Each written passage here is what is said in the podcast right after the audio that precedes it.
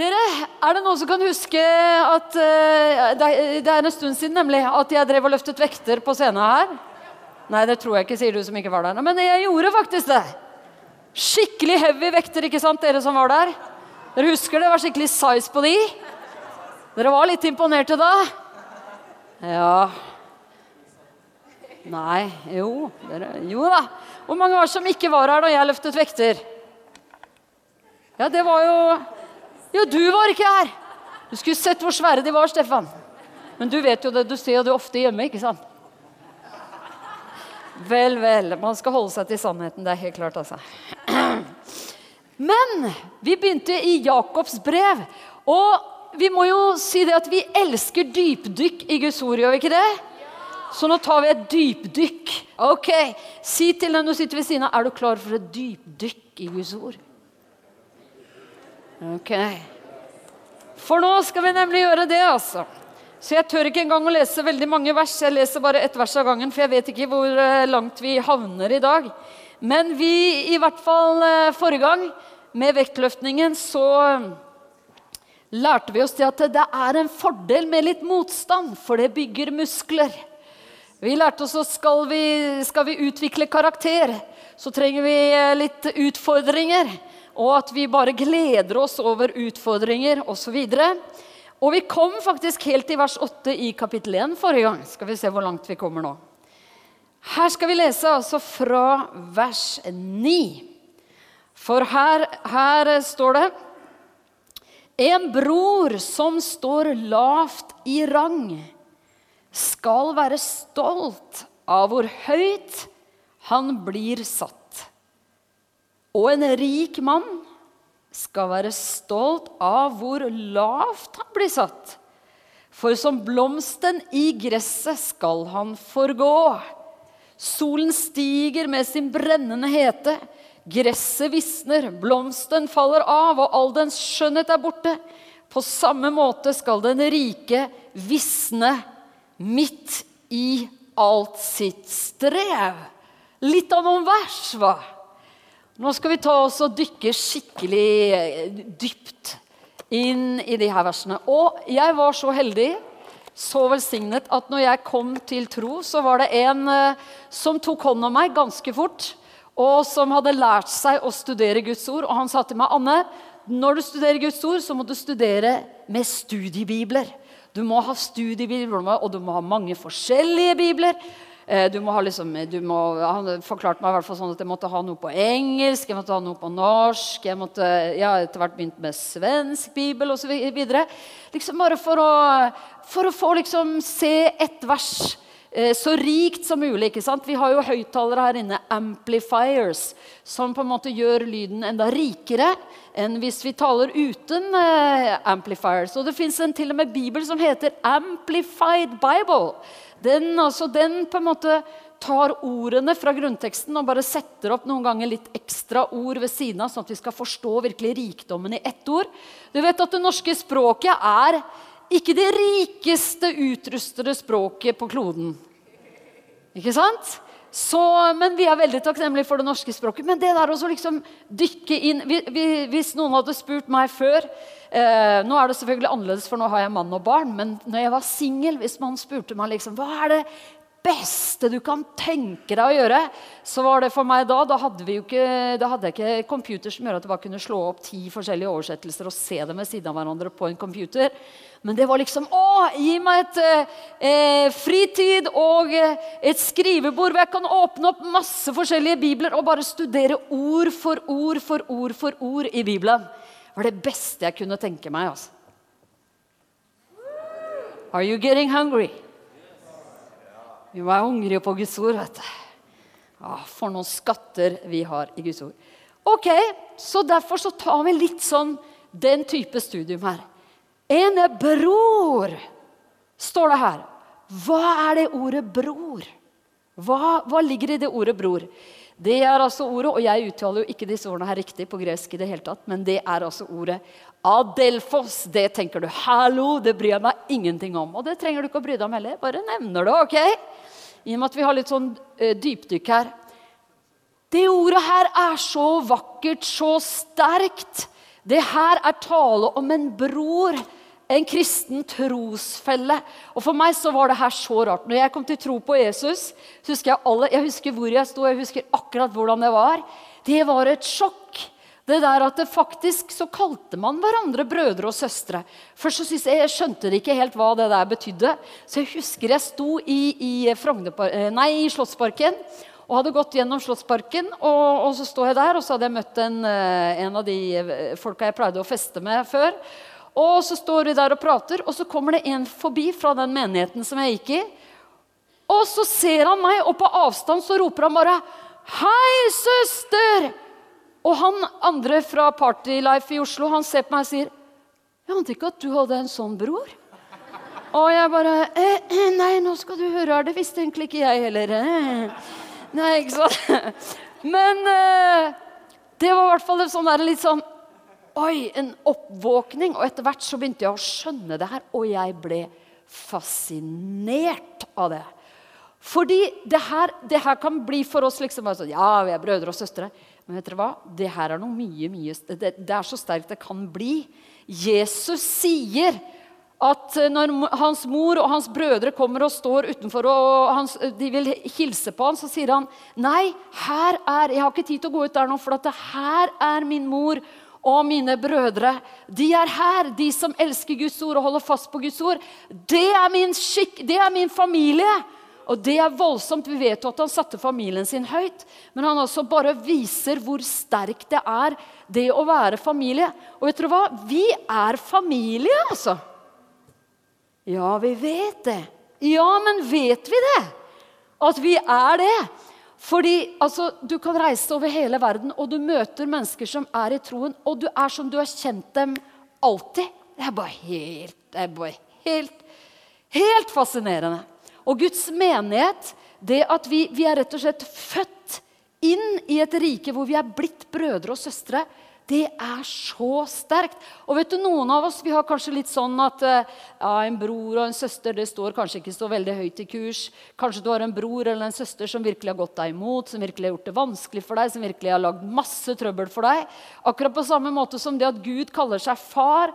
Noen ganger For noen så har de hatt en så dårlig far og så dårlig eksempel at de klarer ikke helt å koble hvor, hvor godt er det at Gud er far. Hva vil det si at Gud er far? Så vi trenger nye bilder på det. Vi trenger å rense bildene bildene våre, og så forstå hva Gud legger i det. Hvordan, hva slags far er Gud? Og hva slags tanke har Gud om det at vi er søsken? Vet du, Jesus han var villig til å gi livet sitt fordi han, de han satte høyt. Han sa at eh, 'jeg gir livet mitt for mine venner'. Ikke sant? Brødre og søstre. Det er høyere enn venner, til og med. ikke sant? Altså det, hvor, hvor, langt er vi villige til å gå for å beskytte en bror eller en søster? Hvor, hvor, hvor, kjapt, hvor kjappe er vi på å dømme en bror eller en søster? Hvor kjappe er vi på å si negative ting om en bror eller søster? Eller hvor mye tillater vi oss å tenke? Jeg snakker til meg. Og jeg snakker til deg, Hvor mye tillater vi oss å tenke om andre? Vi har en natur som veldig lett dømmer andre som veldig lett kritiserer andre. Og Gud vil ha oss helt ut av det! Er det mulig å komme ut av det? Ja, det er faktisk mulig å komme ut av det, men vi må slippe tak i det. Vi må slippe tak i dømmesyken, kritikken, alt det der uverdige. Vi må, vi må slippe det. Og vi må sette det så høyt som Gud gjør. Det at vi er søsken, at vi er søster og bror. Vi må la det virkelig synke inn og gå dypt, dypt inn i oss, for det har Gud tenkt at det skal gjøre. Gud vil ikke ha krangel og bråk i, i sitt hus. Han vil ikke ha stridigheter mellom søsken. Han vil at eh, skal, man skal bo fredelig sammen. Da står det at når, når, brødrene bor fredelig sammen, står det i en av uh, salmene, tror jeg det er, hvor, det, hvor det, da renner liksom salvelsen. Altså, da kommer nærværet av Den hellige ånd enda sterkere når vi vandrer i kjærlighet.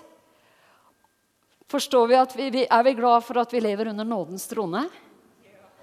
Vi har hørt denne historien om den lille gutten. ikke sant? Som jeg, jeg elsker den storyen med den lille gutten som spør faren om han kan leve sterkt for Jesus uten feil et helt år. Og faren sier nei, nei, nei, du kan ikke det. Ja, kan jeg klare det en måned? Nei, du kan ikke det. Kan jeg klare det en uke? Nei, du kan ikke det. Kan jeg klare det en hel dag? Nei, du kan ikke det. Men kan jeg klare det en time? sier den lille gutten til faren sin. Ja, en time kan du klare. Og da sier gutten da, da tror jeg jeg lever time for time, jeg, pappa. Fantastisk! Sånn kan vi leve. Vandre med Jesus. Vær så snill og lær meg, Jesus, hva kjærlighet er. Vær så snill og lær meg hvordan jeg skal se på mine søsken i troen, og hvordan jeg skal se på mennesker generelt. For gjelder det her at, at, at vi er brødre, det ordet 'bror' som brukes i Bibelen, brukes det bare om de som er i troen? Nei, det gjør nemlig ikke det. Vet du hva? I ytterste konsekvens Vet du hva, hva For det ordet brukes både om søsken i troen, men vet du hva? I ytterste konsekvens er alle mennesker våre brødre og søstre. Er det en av disse her, Snakker vi da om en sånn der slogan Ja, jorden er vår mor, og vi er alle søsken og bror. Eh, søster og bror. Er det noe sånn der, eh, en sånn humanistisk tanke at ja, vi liksom brorskap osv.? Nei, det er mye dypere enn det. Vet du hvorfor hvert eneste menneske er vår bror? Fordi hvert eneste menneske er opptatt i Kristus. Hvert eneste menneske har vært med Jesus på korset. Hvert eneste menneske ble spikret på korset sammen med Jesus. Han har gått i døden for alle. Og Derfor så må vi begynne å betrakte mennesker på en helt annen måte. Og vi vet disse tingene, men jeg roper det til deg og til meg allikevel i dag. Fordi vi trenger å se det med Guds øyne. Vi trenger å se det friskt og på nytt. Og i dag lar vi Jakobs brev tale til oss og, og, og bare forkynne ord fra Gud til oss, sånn at vi kan våkne opp overfor Guds tanke. Hvor har Gud plassert mennesket hen? Hvordan er vi kalt til å tenke om vår nabo, om vår neste? Hvem er vår neste? var det store spørsmålet til Jesus. ikke sant? Hvem er egentlig den der, der som jeg skal gi livet mitt for? Hvem er, er, hvem er det som liksom er på det nivået der, at jeg skal tenke sånn? Hvem er dette her? Vet du, Hvert eneste menneske vi møter, er har Jesus identifisert seg med. Hver eneste en. Vet du hva? Å grunne på disse sannhetene i Guds ord. Bare det ordet 'bror'. Bare grunne på det. La det, la det virkelig forvandle oss. La det fylle oss. Og si til Herren, 'Herre, du er vår Herre. Kan du lære meg hvem som er min bror?' Kan du lære meg å se på mennesker sånn som du gjør? Og vet du, det, det her, det er Vet du hva det står i Bibelen? Den som kaller sin bror for en dåre, er verdig dommen. Evig dom, evig fortapelse. Vet du, så høyt har Gud lagt sin standard. Sånn tenker han om hvordan vi skal omgås hverandre. Hvilken respekt vi skal ha for hverandre. Oi, oi, oi. Da forstår vi at Jesus måtte gå imellom, for det fins ingen mennesker som takler det her. Det fins ingen mennesker som er på dette nivået. Det fins ingen som har den helligheten her. Det fins ingen som kan bli frelst av egne gjerninger. Det er ikke mulig! Det er ikke sjans! Ingen av oss! Jeg mener bare Vi snakker om de tingene her, så kjenner du bare Oi, hvordan var det jeg tenkte?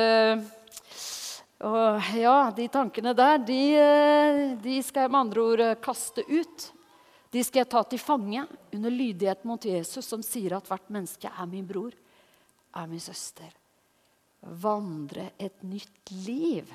Og jeg tenker bare, Når man grunner på disse tingene, så tenker jeg bare, er det det hele dette livet handler om? Å lære seg å vandre i kjærlighet. Lære seg å gå tett med Gud. Er det det hele dette livet handler om? Som vi holder på med her? Er det dette her Gud former oss til? arbeider med oss på denne arenaen her. Ja, jeg kjenner meg i hvert fall veldig utfordret av det her. Veldig, veldig utfordret. Det er så lett å dømme. Altså, du, du, du, hvis, vil, hvis, du vil, ha noen sjokkartede opplevelser, da, så at vi skjønner liksom for noen ganger Den hellige skrift den kommer til oss, og så skjønner vi ikke helt hvordan den går inn i, inn i vår uh, hverdag.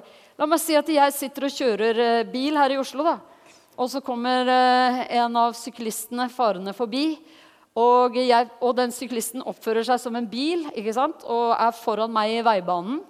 Og jeg sitter inne i bilen og sier 'Å, de er syklistene'. ikke sant? Altså, Vær så snill, kan du i hvert fall kjøre på siden, så jeg kan kjøre forbi deg?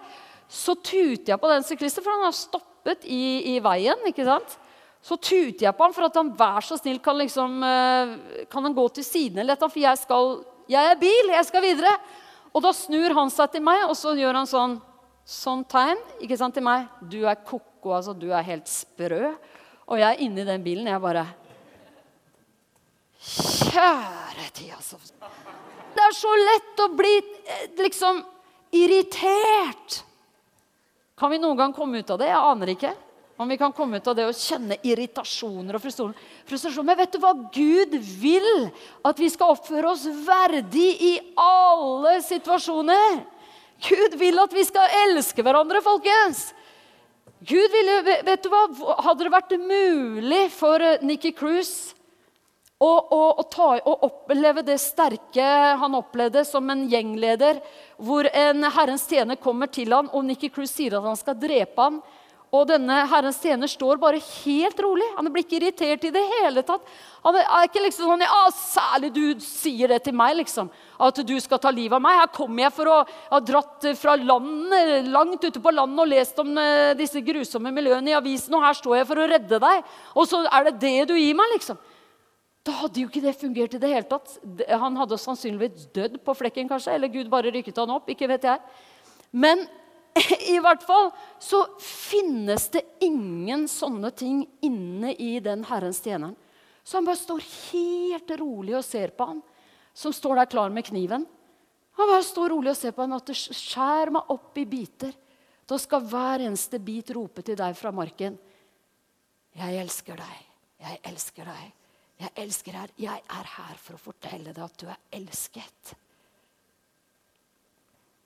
Det var ikke mye han hadde å stille opp med da. Han, altså, hvor langt kan vi gå inn i det her og bli fylt av en forståelse av hvilken verdi Gud har satt på oss? Det er jo helt utrolig at han har gjort det, og hvilken verdi han har på andre. Og det at vi er brødre og søstre. Har, å, har du lyst til å såre broren din? Jeg har én bror. Har jeg lyst til å såre han? Nei! Da, det, det, var jo da min bror etter kjødet da, som har eh, samme mor og far som meg. Altså, jeg har lyst til å såre ham. Nei! Men du vet, vi er brødre og søstre. Har vi lyst til å såre hverandre? Nei. Vi har ikke lyst til å såre hverandre. Har vi lyst til å dømme hverandre? Kritisere hverandre? Har du lyst til å bli dømt og kritisert selv? Urettmessig? Liksom bare høvlet ned på? Uten sjanse til å si hvordan du egentlig tenkte, eller hva ditt motiv egentlig var. Har du lyst til det?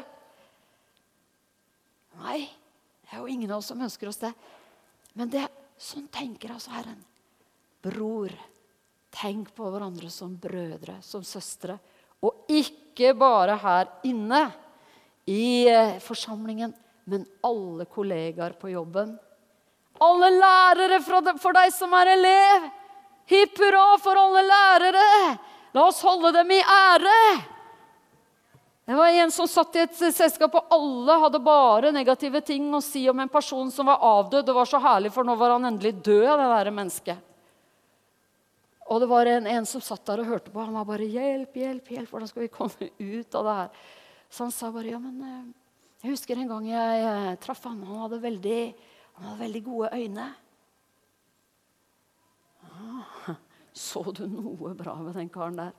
Altså, hva slags miljø, hva slags, hva slags atmosfære skaper vi? 1. Peter 2, 17 sier, 'Vis alle ære'. Det gjelder jo motstandere også. Elsk søskenfellesskapet, frykt Gud, gi keiseren ære. Altså Like selvsagt som at vi skal elske Gud, skal vi elske hverandre. Og alle mennesker. Wow, for en standard trenger vi Herren all the time. Vi eh, vet at kjærligheten sier den utholder alt, tror alt, håper alt. Alle mennesker i, som kommer i min vei i løpet av én dag, er mine brødre og søstre som Kristus er død for. Det er annerledes. Det er annerledes måte å leve på. altså.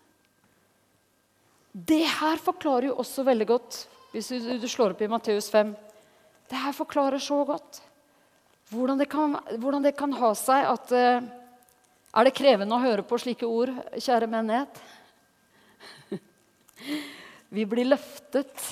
Vi skal bli løftet fordi Herren, han, Herren løfter oss, velsigner oss, hjelper oss, har fylt oss med sin ånd. Men det er, det, er en, det er, skikkelig utfordrende. Det er det, altså. Å slutte med det der å kritisere og dømme i den indre tankeliv. Altså.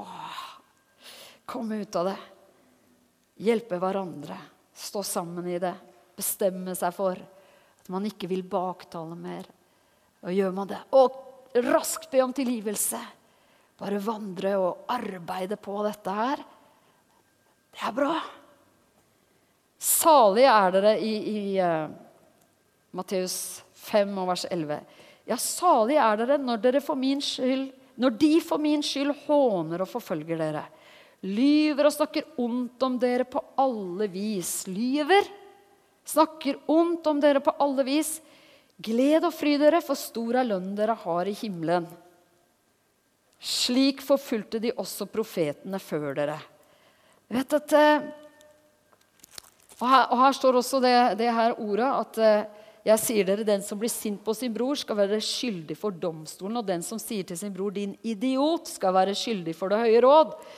Og den som sier din ugudelige narr, skal være skyldig til helvete. Tenk på det, hva Jesus har gått imellom for å redde oss fra. Det her, at Herren sier at dere skal be for dere har hørt det sagt du skal elske din neste og hate din fiende. Det var den gamle pakten før Jesus kom. Men jeg sier dere, elsk deres fiender. Velsign dem som forbanner dere. Gjør godt mot dem som hater dere. Og be for dem som mishandler dere og forfølger dere. Slik kan dere være barn av deres far i himmelen. For han lar sin sol gå opp over onde og gode og lar det regne over rettferdige og urettferdige. Om dere elsker dem som elsker dere, er det noe å lønne dere for? Gjør ikke tollerne det samme? Altså, Herren har en helt annen standard. Når noen virkelig begynner å gå deg imot, så er det sånn ok, du rykker stadig fremover i køen. Du rykker stadig fremover i køen. Stadig rykker du opp på bønnelista. Du kommer stadig høyere opp. Det er sånn det skulle være blant oss som troende. ikke sant? Har vi fiender, ja, du rykker stadig lenger fram i forbønnskøen. Stadig mer vil vi ta deg opp i våre bønner. Er det sånn vi lever hver dag, folkens? Trenger vi at eh, vi minnes på det her av Guds ord? Vi, vi skjønner at vi stadig trenger vannbad i Guds ord, gjør vi ikke det? Fordi denne verdens ånd er så annerledes. Den er liksom øye for øye, tann for tann. ikke sant? Den er at du slår meg her, jeg slår deg der. Du trekker deg tilbake fra meg, jeg trekker meg tilbake fra deg. Du vil ikke være, være liksom hyggelig, jeg er heller ikke hyggelig. Altså, Den, den, den materien der, den, den, er omkring oss hele tiden. Men Jesus sier, 'Kom igjen!' De der der som virkelig lyver og gjør ondt, det er de, finn på noe godt du kan gjøre for de folkene der.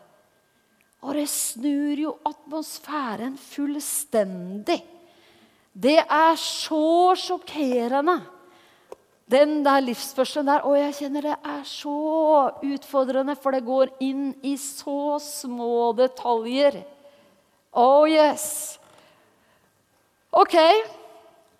Det er ordet 'bror'. Og så står det her i, Selvfølgelig, vi vet jo ikke sant, at eh, at eh, når vi sier at Jesus har identifisert seg med hvert menneske, så vet vi jo det. At han sier 'Jeg var sulten, dere ga meg mat'. Jeg var tørst, og dere ga meg å drikke. Jeg var i fengsel, og dere så til meg. Og de sier, 'Hva? Når var du det?' Og da sier han, 'Det dere har gjort mot en av disse mine minste'. Og disse versene, vet du, Hør på det verset her, da. Eh, orker vi det her, eller? Skal vi rope halleluja etter det verset? Det, er, det her er å, det er 1. Johannes 3, 17. Men den som har mer enn nok å leve av, og likevel lukker sitt hjerte når han ser sin bror, og da i denne vide betydningen bror.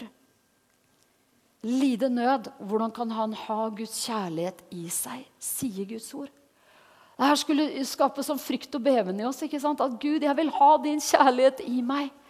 Hjelp meg å ikke Vet du hva, Jeg gikk på gata i Oslo, og det sitter så mange mennesker og tigger i Oslo nå. Jeg syns det er så krevende. Syns du? Jeg syns det er så krevende å vite hva man skal gjøre. Hva er rett å gjøre. Og vet du hva, så gikk jeg, så gikk jeg eh, på gaten, og så ser jeg en som sitter der. Så tenker jeg at eh, hvis jeg ikke ser på vedkommende, men jeg bare ser en annen vei, jeg later som den personen ikke er der, så kan jeg bare gå forbi. Jeg har det travelt, jeg er nødt til å rekke det og det. Jeg kan ikke stoppe ved hver eneste en jeg ser. Ikke sant? Og så gjorde jeg det, og vet du hva, så slår jeg opp i ordspråkene. vet du. Sitter i bilen og leser ordspråkene etterpå for familien min. Jeg bare sa ja, la oss ta noen vers for, fra ordspråkene. Så sto det bare Den som skjuler sine øyne og ser en annen vei ikke sant? i forhold til det her å se noen lide nød. Og jeg bare Guds ord bare dømte meg med en gang. Så der og da i bilen jeg bare Kjære dere, jeg gikk forbi en på gata i dag og gjorde akkurat det. Jeg prøvde å skjule øynene mine for den nøden, sånn at jeg kunne bare gå forbi.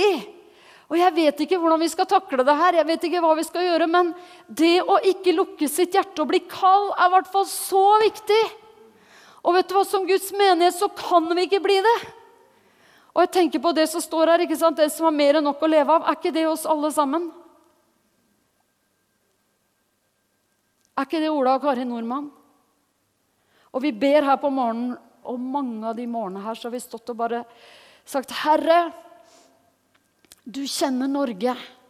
Du vet hva vi er gode for i den saken som er en krise i verden nå med de her flyktningene. Du vet hva vi kan gjøre og hva som det ikke er rett at vi gjør fordi at vi ikke makter det. det. Det vil ikke være rett at vi gjør det. Men du vet hva vi rår over. Du vet hvem vi er. Du kjenner våre budsjetter før vi har lagt dem. Du vet hva våre, våre, vår regjering forvalter. Du vet, du vet også hva vi skal svare for i framtiden. Du må hjelpe våre folkevalgte. Vi kan ikke få imot våre politikere hvis vi ikke er enige med dem. Vi kan ikke hagle rundt oss med kritikk. Vi som er i troen, vi må be. Vi må ha en annen måte å leve på. Og jeg, som jeg har sagt, jeg har bekjent til deg at bare en syklist som eh, viser meg forskjellige tegn, kan skape i meg at liksom Nei! Altså, så, så, du skjønner Jeg taler ikke ut ifra at ja, dette har jeg skjønt. Skal jeg bare love deg her, her. Ordet kommer inn over oss som kirke og menighet og taler med oss kan vi, kan vi slippe tak i noen ting, noen livsmønstre, noen måter vi har vent oss til å være på og tenke på? Kan vi vandre videre med Herren i en sånn tid som det her? Kan vi gi avkall på vårt eget? Kan vi slippe tak i vårt eget og få tak på det Herren har, det Han er? I en tid som denne, følge Han, så at Hans fotspor kan bli synlig i vår tid.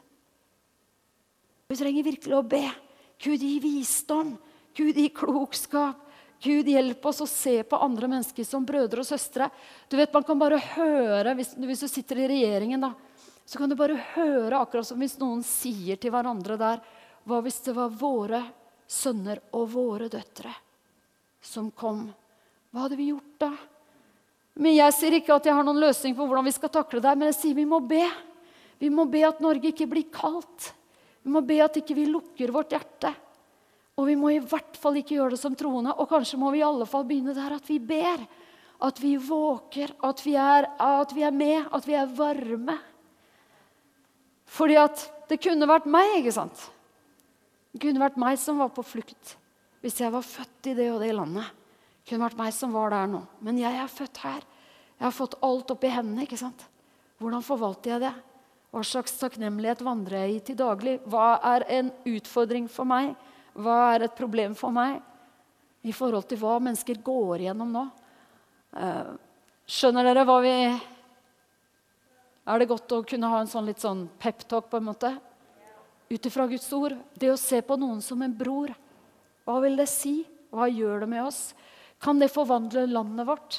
Hvis vi, hvis å, hvis vi å hvis vi, Kan vi be om at vi skal få beholde det, den type språk på riktig måte? Jeg snakker ikke om noen sånn overfladisk liksom, eh, sånn popversjon av at vi er alle brødre og, og søstre. Men for oss det er dypt, det pløyer så dypt fordi Kristus har identifisert seg med hver og en. Det er Kristus. Det er Herren. Det er vår Herre. Ja, Herre. Og jeg tenker også på dette her Hvis jeg ikke har noen fiender blant mennesker Hvis jeg ikke har noe Jeg, jeg feller ingen dom over mennesker. Hvis all dom er gitt over til Gud, hvis det ikke er min oppgave å dømme noen, setter ikke det meg også veldig fri? Fri i forhold til andre? Jeg behøver ikke å felle noen dom over andre. Det er Gud som er alle menneskers skaper. Det er Gud som er alle menneskers dommer. Han har gitt Kristus å holde dom. Har overlatt dommen. Skal vi bare overlate den, den, der dommen, at vi ønsker å felle dom over hverandre så mange ganger? Vi kanskje tror vi forstår andre menneskers motiver. Vi, vi kjenner ikke menneskers motiver. Vi vet ikke hva som foregår inni mennesker. Og det å slutte å holde dom det, Hvis du tenker at vårt kall er å elske, hva betyr det? det betyr jo ikke at liksom Å ja, da sier vi bare at alt er ok, da. Vårt kall er å elske. Vi tar Hollywood-versjonen. Det går kjempebra. ikke sant? Alt er greit. Vi er likegyldige til alle ting. Alt kan bare gå i en eneste kaos. Nei, det er jo ikke sånn kjærligheten er. Kjærligheten gir jo livet sitt for at en annen skal få del i livet. Altså, Kjærligheten den formaner jo. Kjærligheten sier jo hva, hva, hva, hva, skjer egentlig med deg? Ikke sant? Hvordan står det egentlig til? Kan vi snakke sammen? altså Kjærligheten er jo ikke sånn det er samme for meg åssen det går med deg, så, for jeg skal ikke holde noe dom over deg. Så hvis du, det skjærer seg for deg, så ok, du er fri, du. La det bare skjære seg. Det er jo ikke en sånn type frihet vi har i relasjonen til hverandre når vi sier at vi ikke feller dom. Absolutt ikke. Kjærligheten går tett på. Kjærligheten vil, vil ta tak. Kjærligheten vil være til stede. Men dere, jeg, jeg, tenker Å, Herre, hvis vi kan vokse i de tingene her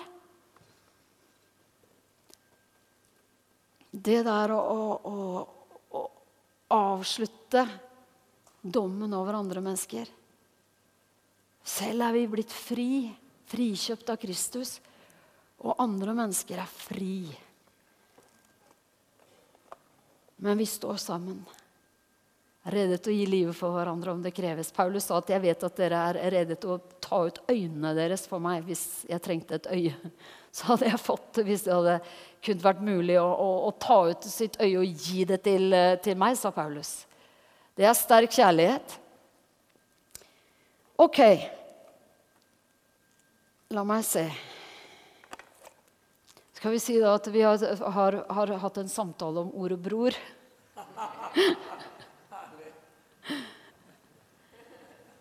Skal vi ta imot ordet 'bror'?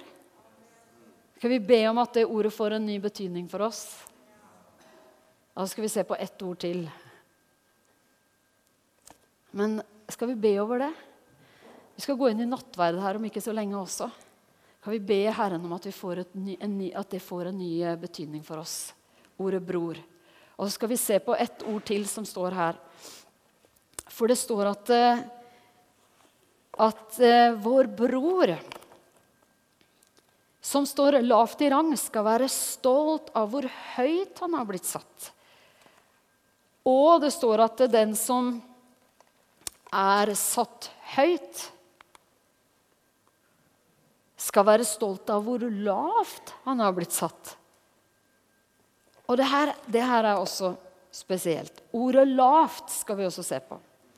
Vet du hva det ordet betyr? Det betyr å erkjenne at man er uverdig og avhengig. Det er det ordet lavt. Og i Matteus 11,29 så sier Jesus, 'Lær av meg, for jeg er mild og ydmyk av hjerte'. Der bruker han det samme ordet. Det er tapeinos. Eh, det ordet lavt. På gresk, altså. Tapeinos. Jeg aner ikke hvordan det uttales. Ydmyk av hjerte, sier Jesus. Han bekjenner også at han er helt avhengig av Gud. Og når han bekjenner det der, at han er så avhengig, hvor mye mer skulle ikke vi bekjenne det? Og leve sånn? Og de versene her, hva er det de egentlig handler om? de versene her? Det er at er du satt lavt, så skal du ikke være lei deg for det. For i Jesus har du satt helt opp. Helt til topps. Og er du skikkelig høyt eh, på rangstigen, og wow, er, alle beundrer deg, og du har en kjempeposisjon, og du er stinn av gryn, det får jo ofte folk til å bare Wow, I think I'm gonna be your friend. Ikke sant? Så skal du bare vite at det, det er som bare som eh, blomsten på gresset. Det bare forsvinner. Det er ikke verdt noen ting for Gud uansett. Det du er, må du bare være for Herren uansett. Om du har en lav posisjon, så skal du bare ikke sukke og være lei deg over det. Du skal tenke wow, jeg er virkelig satt høyt i Kristus. Og er du virkelig satt høyt, da skal du glede deg over hvor lavt du er satt. Og ha Jesus som eksempel. For hva gjorde han? Har noen vært høyere enn Kristus? Ingen har vært høyere enn Herren. Og han forlot det høye og han ga avkall på det. Vet du hva han gjorde? Han fornedret seg selv.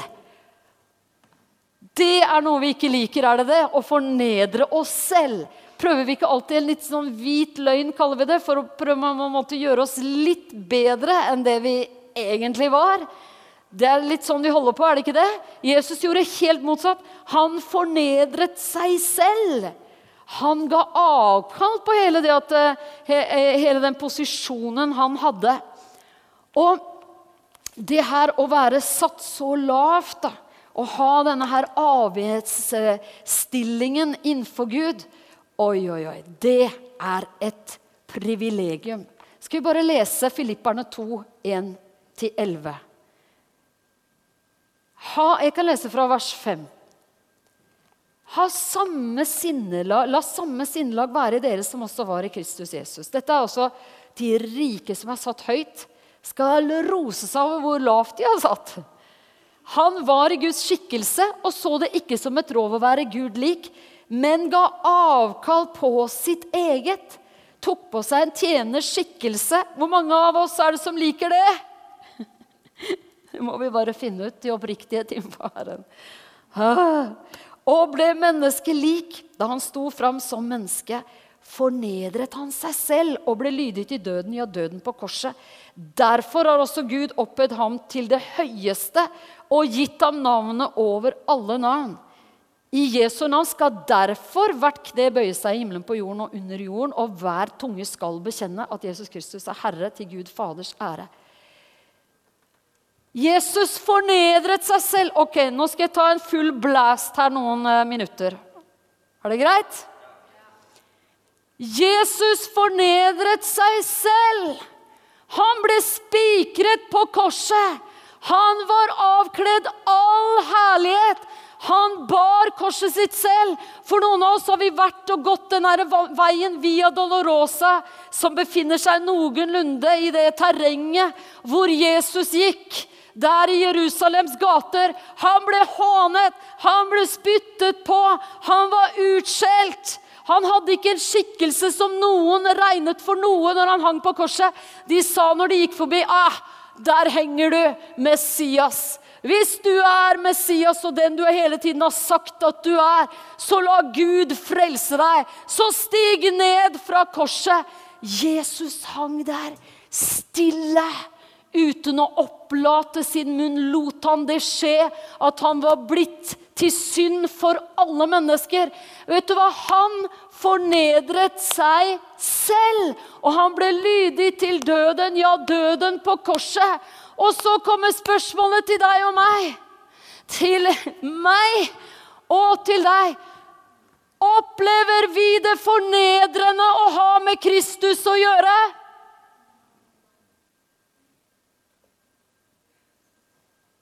Hvor mange mennesker som ble reddet av en redningsmann, ville ha problemer med å bekjenne redningsmannen? Han reddet livet mitt! Mange har sånne enorme historier. De var kanskje i en situasjon hvor en båt synker, eller et eller annet, og kapteinen gir livet sitt for alle de andre og sørger for alle de andre. En nær venn av oss opplever at, at datteren er med i et lite privatfly hvor, dem, hvor det flyet blir antent, og det styrter. Og det blir antent idet det treffer bakken, eller noe sånt. Og, og, fire stykker, eller hva, jeg husker ikke hvor mange det var, da, men i alle fall en av dem var soldat. Og han tar opp den unge jenta som er datteren til en nær venn av oss. Tar henne opp brennende og løper ut av flyet. Og, og selv, han, han, hadde selv kommet ut. Han går inn i flyet og henter henne i det brennende flyet. Springer så langt han kan, legger henne ned på gresset og er selv antent så sterkt at han dør. Hun overlever. Det er en redningsmann. Hvor mange er vil ikke fortelle om sin redningsmann? Den jenta forteller om han overalt. At han har et bilde på Kristus som gir alt, går inn i den verste krisen for å hente oss ut. Skal vi tillate at denne verdens ånd gjør oss flaue over Kristus? Får jeg høre? Får jeg høre? Får jeg høre? Vet du, vi må slutte med det. Hvis vi fortsetter sånn, og jeg taler til meg Hvis vi fortsetter sånn, så kan vi hindre mennesker i å bli frelst. Fordi det er stille rundt Kristus. Fordi folk ikke vet hvem han er.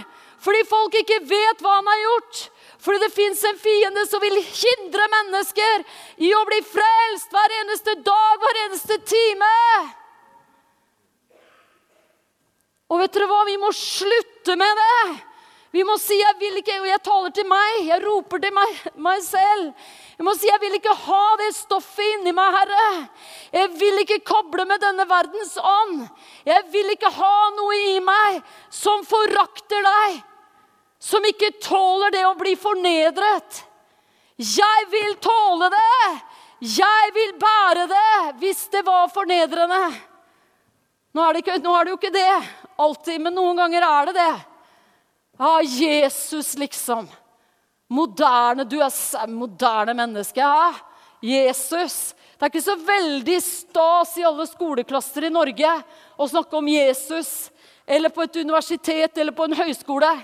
Men da desto mer må vi stå opp, for hvis ikke så blir jo de åndskreftene sterkere og sterkere. Hvis vi er stille. Kom igjen! De åndskreftene vinner mer og mer terreng hvis vi er stille. Han er redningsmannen vår. Det er helt unaturlig å ikke, ikke ville bekjenne en redningsmann. Like unaturlig er det at hvis ikke vi Og vet du hva det står om Jesus? Å, kjære Gud. Vet du hva det står om Jesus? Hebreerne 2,11. Han skammer seg ikke for å kalle oss brødre og søstre. Hvordan i hele vide verden klarer vi å skamme oss over han? Er det ikke pinlig, folkens? Det er så pinlig. Ikke sant? Jeg er i en situasjon. Jeg går eh, etter en type som viste meg rundt. Kjempekul dress, eh, slips, alt, alt på G. Og jeg kjenner jeg må, jeg må vitne for han der. Jeg tenker nei, jeg har ikke noe lyst. Føler ikke for det. Han det er business uh, imperium her, ikke sant? Altså det er, Jesu navnet står ikke veldig høyt i kurs her, føles det som. Hvorfor tror du det føles sånn? Jeg er bare i kamp med denne verdens ånd.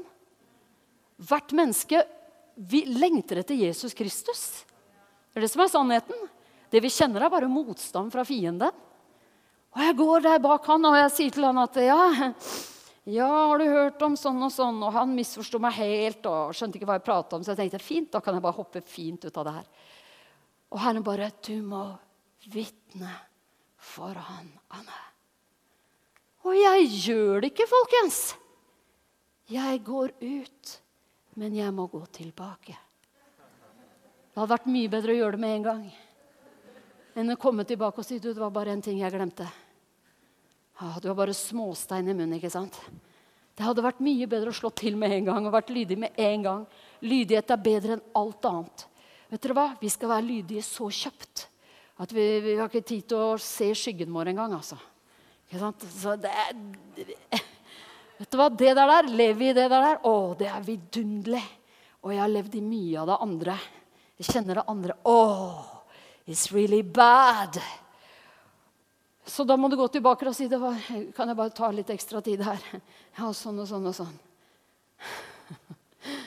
Og, og han type sier Ja, noen ganger så opplever du at det er rett eh, hjem. 100, det er full pott med en gang. Andre ganger så er det liksom OK, takk skal du ha. Det var fint, det. ikke sant? Du vet ikke alltid hva som foregår inni et menneske. Det er ikke alle mennesker som viser. Men vi må være lydige. Vi må være lydige. Vet du, Vi må i hvert fall være så bestemt på at hvis han der der valgte å gå fra det høye for å komme ned i det lave fornedrelsen vi var i, for å løfte oss så høyt opp, så kan ikke vi når vi da Hvor høyt er vi satt? Vi er i Kristus. Vi er med Han i himmelen. Vi er frelst av bare nåde. Vi har blitt Guds barn. Vi, vi, vi har blitt arvinger. Vi har fått alt gratis. Da kan ikke vi gå fra den posisjonen liksom og skamme oss over noe. Vi må jo gå fra den posisjonen og være til velsignelse. Tale som Kristus, tenke som Kristus, ha samme sinnelag. Inkludere mennesker som brødre og søstre. Ta tak med mennesker som Kristus ville ha tatt tak med dem. Være til stede. Komme ut av hele den merkelige greia som den onde prøver å skape. Lage skillelinjer. Det er de, og det er vi. Det er alle de der ute, du. Og det er alle oss her inne, du. Vi er brødre og søstre. Kristus er død for alle. Nå er det vår oppgave å gå sammen med Kristus i hans fotspor og arbeide og tjene sammen med han. Det var så mye vi fikk tatt i dag på Jakob. Men dere skal vi bare reise oss opp, og så går vi inn i nattverd sammen. Og så tar vi det her ordet 'bror'. Så ber vi Herren om å møte oss med det ordet der. Gjøre det virkelig for oss. Hvordan har vi sett på mennesker? Hvordan ser vi på andre? Herre, rens oss, bevar oss, fri oss. Og det der med det å, å, å være stilt lavt Det er helt i orden, for vi er stilt så høyt i Kristus Jesus. Det å være gitt en høy stilling Guds ord, Jeg har mengdevis av notater om hva Gud sier om den rike og rikdom. Er det synd å være rik? Nei. Men er det synd å være, sette sin lit til rikdom? Ja, det sier Gud. Det skal vi ikke gjøre. Ingen har noen ting som man ikke har fått. For Gud, for Gud er alle mennesker like. Ingen er noe bedre enn en annen. Ingen har noen forrang foran noen andre. Vi er alle sammen ett i Kristus Jesus. Så det at Jesus var villig til å stille seg lavt, fornedre seg selv, det gjør for oss at eh, skulle vi gå gjennom litt vanærende ting, skulle vi oppleve det, det er en glede for oss. Vi fortsetter, og vi, vi er ut ifra vår stilling i Kristus. Så tjener vi med det Herren har gitt. Amen. Takk, Herre.